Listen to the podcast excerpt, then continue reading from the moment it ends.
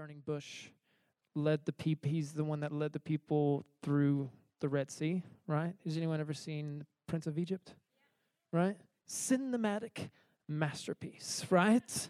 We only watch Christian movies in our house. And so we've seen that movie like at least five, six hundred times. It's totally amazing, though.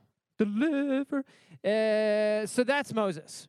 After Moses died, Joshua took his place. Joshua, I would say, is, in my opinion, probably one of the best leaders, I would guess, in all of biblical history. He just was he was one of the best. He's he's way, way up there, I think.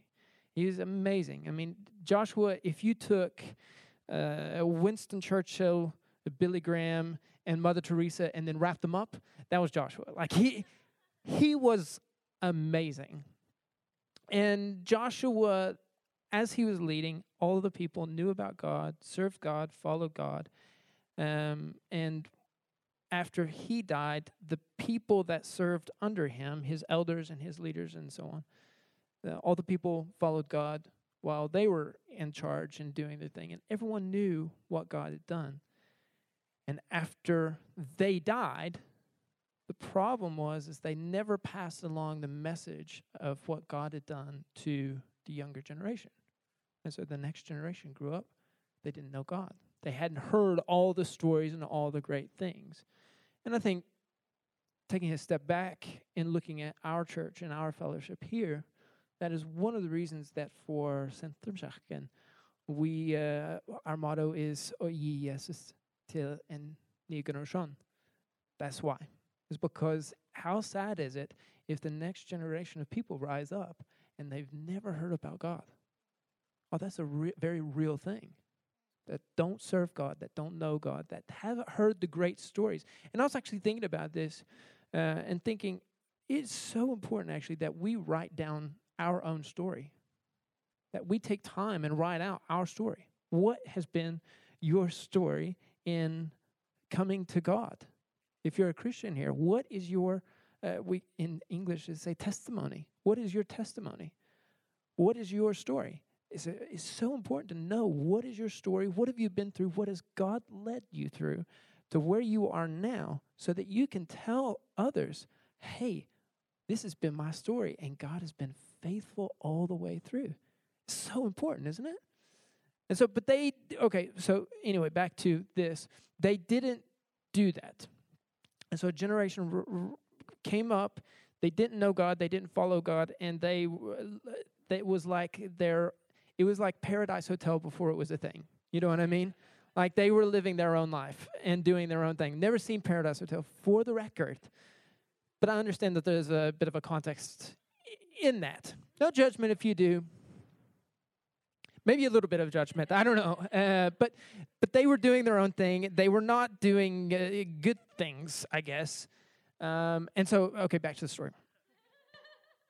They lived in rebellion against God, and while they were doing that, the people would come in and, and they would take things from them, and they, um, they it says they plundered them, which they plundered against the Israelites, which which basically means that that all the other nations around them uh, treated them like the cousin that no one loves.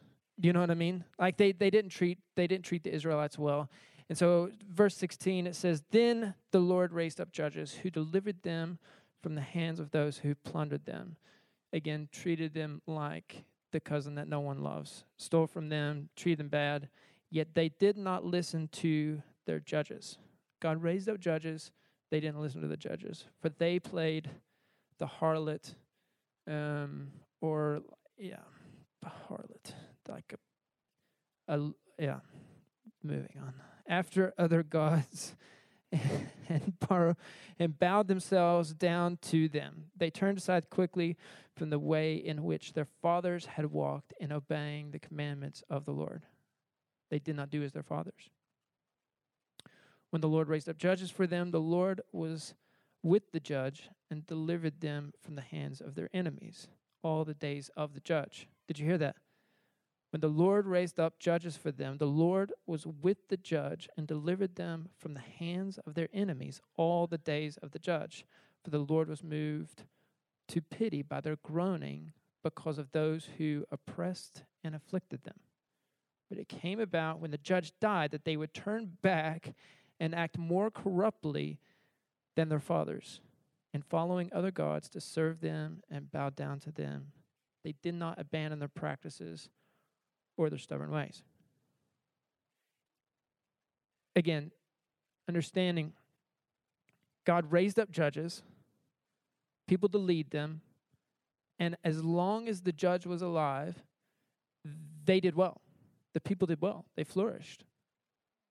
They kicked out all the people that were trying to rule over them and try to manipulate and to steal from them and take all of their things. But then, whenever the judge died, they went and played Paradise Hotel again and did their own thing, right? They, they did whatever they wanted, they lived their own life, and they did their own thing. And throughout Judges, we kind of read this roller coaster story of God would raise up a judge, they would be doing well, the judge would die, and then they did their own thing, and then they made a mess of things. And you have this ongoing roller coaster ride. And whenever we look at the story, we kind of have to understand that it's painting a picture that the judges were more than just leaders, they were more than just military people. But the, what the judge really represented was a, was a frame or a boundary. Ram. Did I say that right? Yeah. I, I, I, I, did this in my head and I, I was saying Ram uh, instead of Ram. Uh, Both are very good things, but they mean very different things. Um, but it represented a boundary, it represented a frame. The judges were, were aligned kind of in the sand, if you will, that said, we're not going to do this as a people. We're not going to be these type of people. We're not going to do these type of things. It was a line saying, after this, you're kind of on your own almost. Is well, we're not going to do that. It was a boundary and it was a frame. It was a line to say, no, we're not going to do that. We're not that kind of people, and we're not going to do those things. We're actually going to follow God. We're going to treat one another right. We're not going to let other people come in and abuse us. There's safety within this boundary, but you have to stay within the boundary. And I think boundaries are a part of, of life, right? Like we see boundaries everywhere we go, we see frames everywhere we go. We look at the ocean, the ocean is beautiful, it's very beautiful. But the ocean, even the ocean, has a frame, it has a boundary. It has a place where it has to stop. It's beautiful where it is, but if it goes outside of its frame, it can be quite dangerous, can it? Like it can destroy things, it can destroy houses, it can it can hurt people. As long as it stays within this frame, it's it's okay. But whenever it goes outside of its frame, what do you uh, think about roads and driving? Like the roads have lines, right, to keep us safe many people can't drive well with the lines in the road.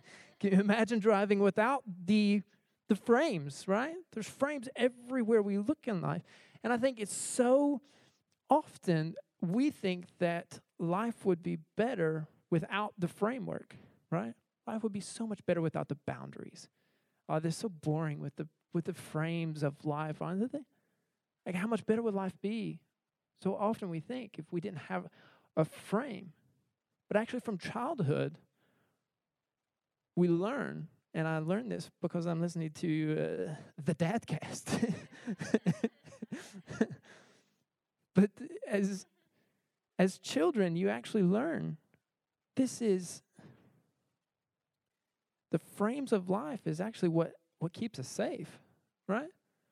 I mean, the the if a child was given the whole world to roam, it would freak it out, right? It would be scary. It's overwhelming.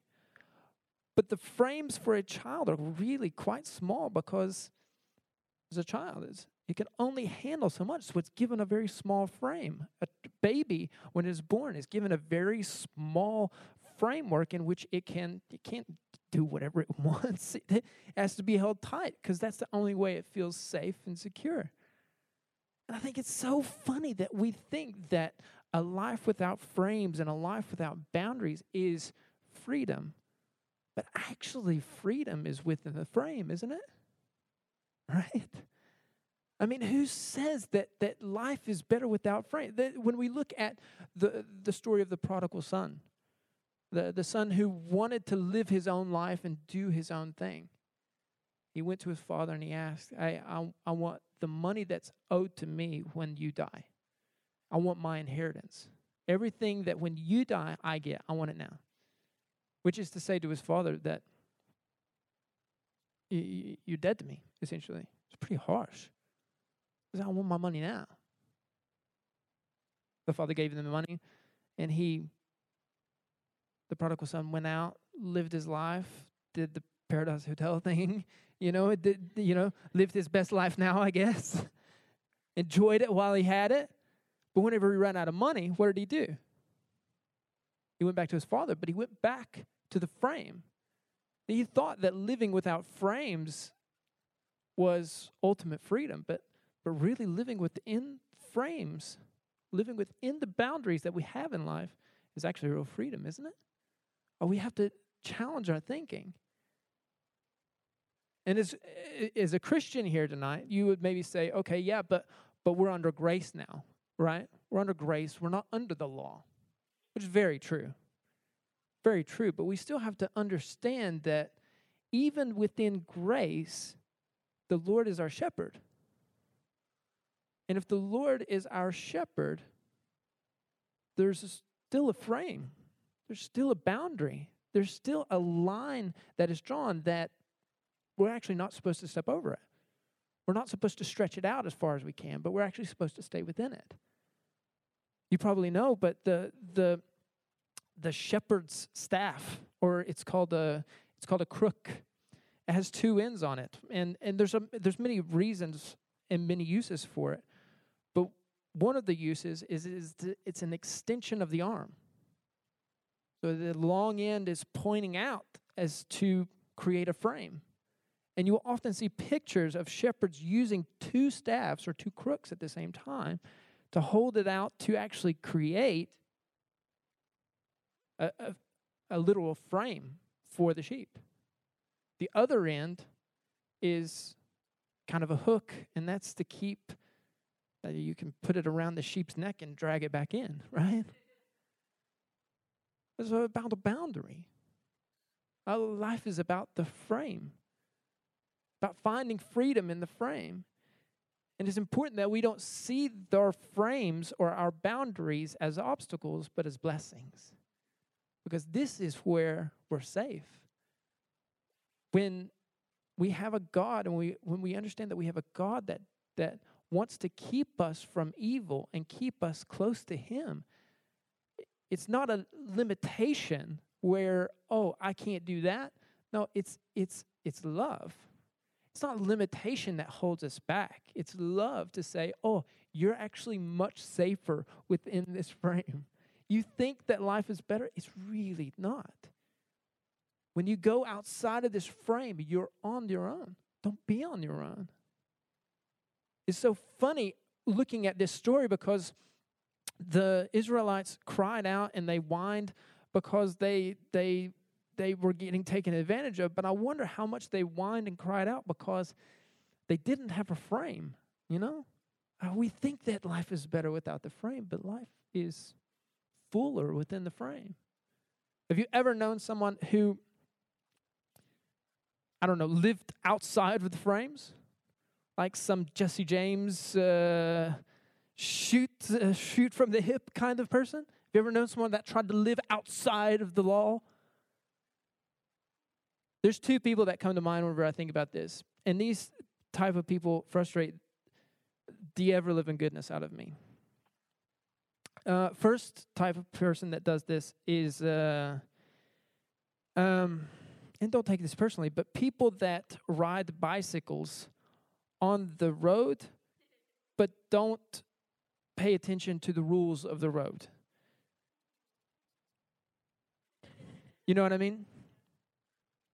Like, if you, I, I'm all for saving the environment, I'm all for, and I'm all for getting exercise as well. And if you can do both of these things at the same time, good on you. But like you still have to obey the normal rules of the road. Like cyclists are some of the most entitled people I've ever seen in my life. They, don't care about anybody else. no frames, no boundaries. I'm going to do what I want. I'm going to drive this bicycle and uh, not care at all. And it's like, my car is so much bigger than you. It's not that I'm going to hit anybody, right? I'm not saying that. But I'm saying if you were to hit me, I'm not going to feel it, right? You're going to feel it. I'm not going to feel it. The second type of people that that try to do this are people that try to get off the plane uh, first.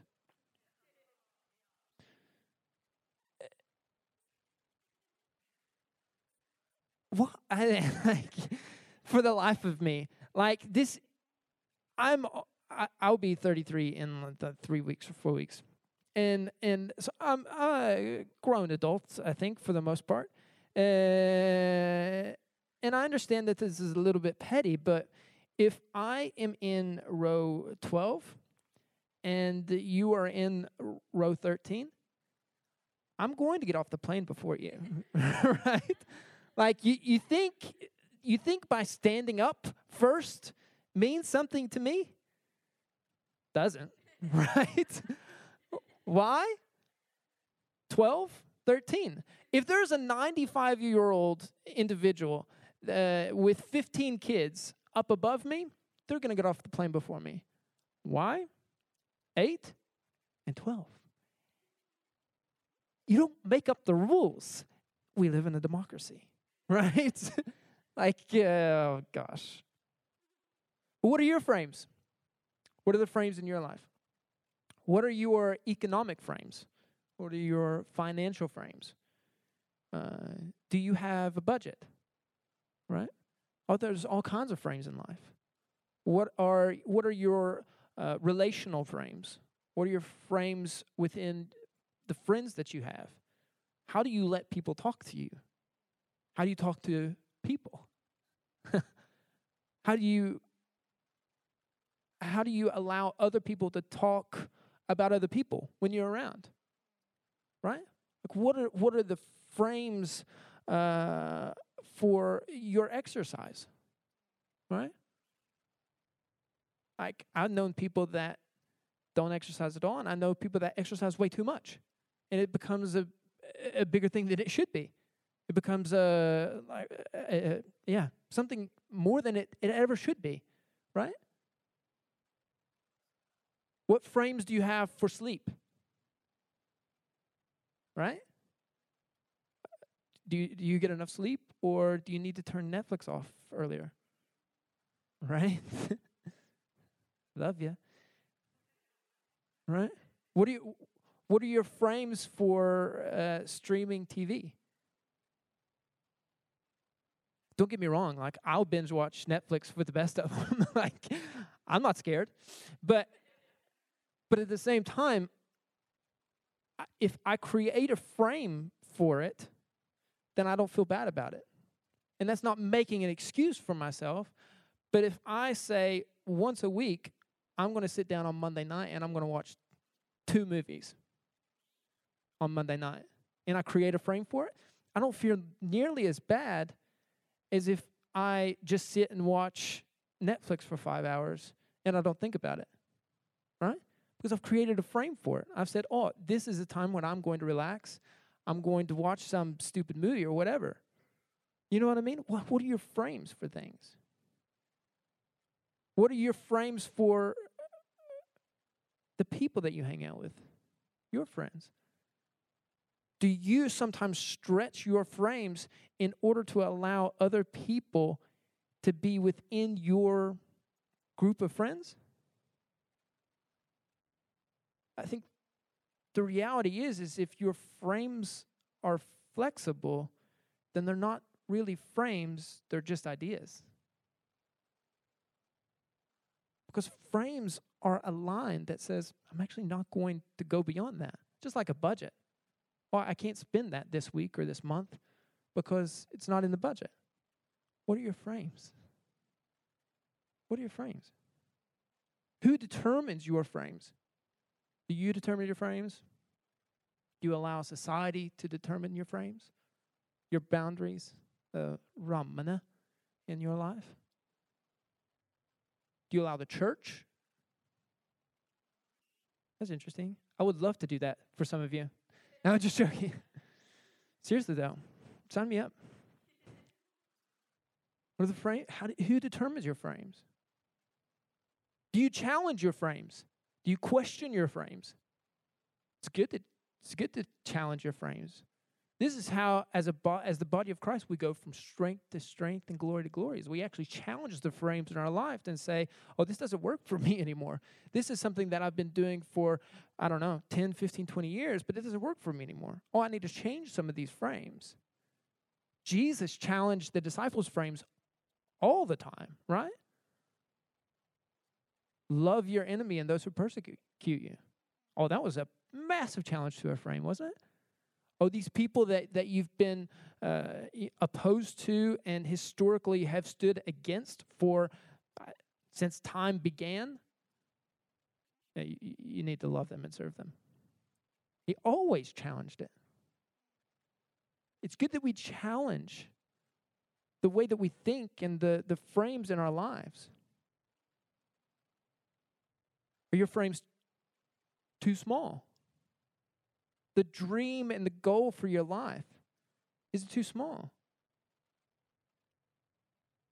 It's very hard to accomplish the dreams and the goals that God has laid out for you and put in your heart if you don't have a budget and you watch too much TV, right? We have to have good frames in our life, right? It's good that we question things. Do you think too small? I love uh, Andre Martensen. Most of you know him. He's the he's the uh, församlingspastor i uh, Frasen. I love him. He thinks sometimes bigger than he should, maybe, but he thinks so big. I think he'll be retired by 40. He, insane. Why not? I love people that think big and dream big.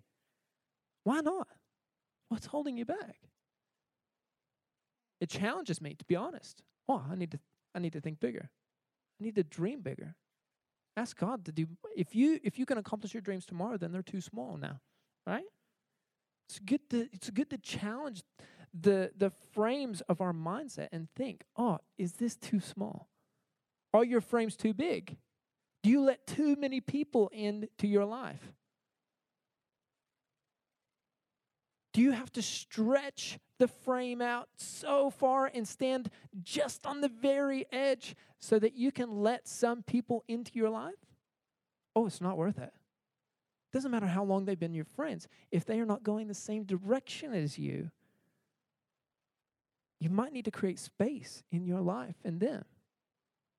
Because they are not going to be the ones that are pushing you into God's best for your life, right? They're not going to be the ones that are pushing you into the dreams and the goals and the great ambitions that God has put in your heart.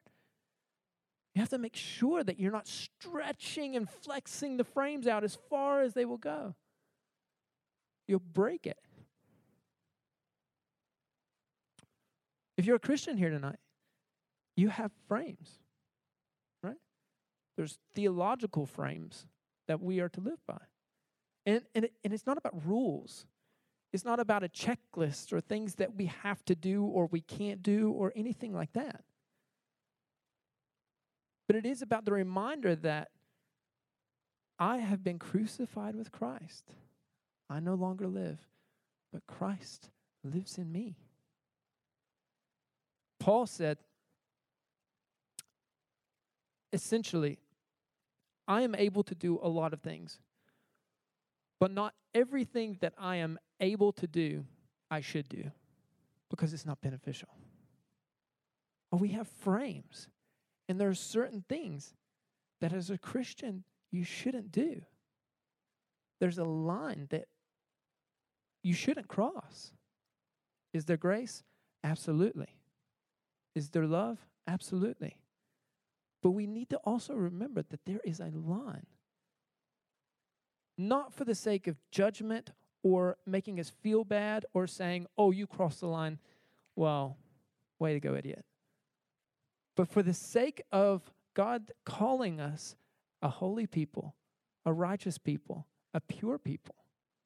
We don't have frames for the sake of a law or restrictions or rules or any of that. But we have frames for the sake of we're called to be blameless and pure until the day he returns. And I think that's good news. That's, that's not a heavy thing. That is a beautiful thing. We were in America for three weeks and we went to the grocery store. And I grew up in America, uh, so I was used to uh, grocery stores. But not being there for a long time and then going back, we went to buy some crackers, and there was a cracker aisle. No joke. And I remember, I remember, but I remember being in the cracker aisle that is longer than this building, thinking, I just want to go to Rema You know what I mean? There's too many options. And I think I think that's one of the beauties of the frame, this frame that we have, is we don't have to figure everything out. Like, we don't have to know everything. Our responsibility as Christians isn't to know and understand every law, every rule, and all of this. Our responsibility as Christians is to know the Word of God and follow it to the best of our ability. And grace follows along with us everywhere we go. Oh, that's beautiful. We don't have to figure everything out. We don't have to know everything. We don't have to understand every aspect of this spiritual life to live blameless in Christ. We have to follow the Bible and let, let grace follow us. Well, that's beautiful, isn't it? That's so, that's a weight off the shoulders.